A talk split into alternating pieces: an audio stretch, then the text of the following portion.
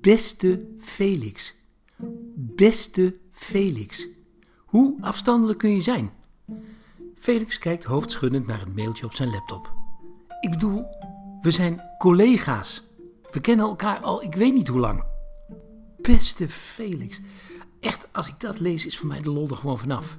Dus wat doet Felix? Die gaat dit mailtje gewoon maar even negeren. Next. Dat jij je daar zo druk over kan maken, zegt Anouk met opgetrokken wenkbrauwen. Ja, zegt Felix. Het is afstandelijk, onpersoonlijk en vooral saai. Eh, nee, al die smileys en emoticons van jou, die trekken volle zalen, zegt Anouk. Ik moet in jouw mails altijd echt op zoek naar de inhoud in zo'n ontploffing van emoticons. De eerste drie regels van uitbundigheid kan ik sowieso al overslaan, want er staat toch niks zinnigs in. Dat heet enthousiasmeren, verduidelijkt Felix. Nergens voor nodig, riposteert Anouk. Kom dan maar gewoon meteen ter zake, dat werkt veel beter. Doe gewoon net als Bob, of als ik. Geen aanhef, gewoon de vraag of de opmerking, hup en klaar. Nou ja, eh, dat vind ik dus best een beetje ingewikkeld, zegt Linde. Ik bedoel, als je aanbelt en iemand doet open, dan begin je toch ook niet meteen te ratelen? Dat is heel wat anders, zegt Anouk. Als je een mail stuurt, weet de ontvanger wie de verzender is en andersom. Dan hoef je daar toch niks boven te zetten. Allemaal verspilde moeite. Linde doet er maar het zwijgen toe. Anouk kan altijd zo, zo agressief gedecideerd overkomen dat het lijkt alsof ze ruzie zoekt. En ruzie, ja, daar heeft Linde zo'n hekel aan. Om de lieve vrede te bewaren, zegt ze dan maar liever niks. Maar ze denkt van alles.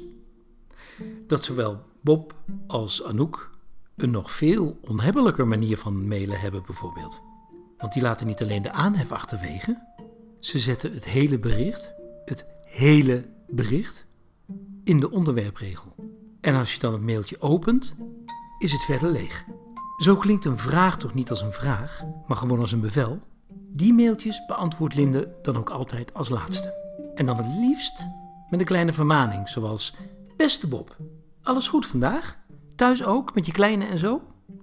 Ik heb gedaan wat je in de onderwerpregel vroeg. Je mail was verder helemaal leeg. Misschien was er iets weggevallen?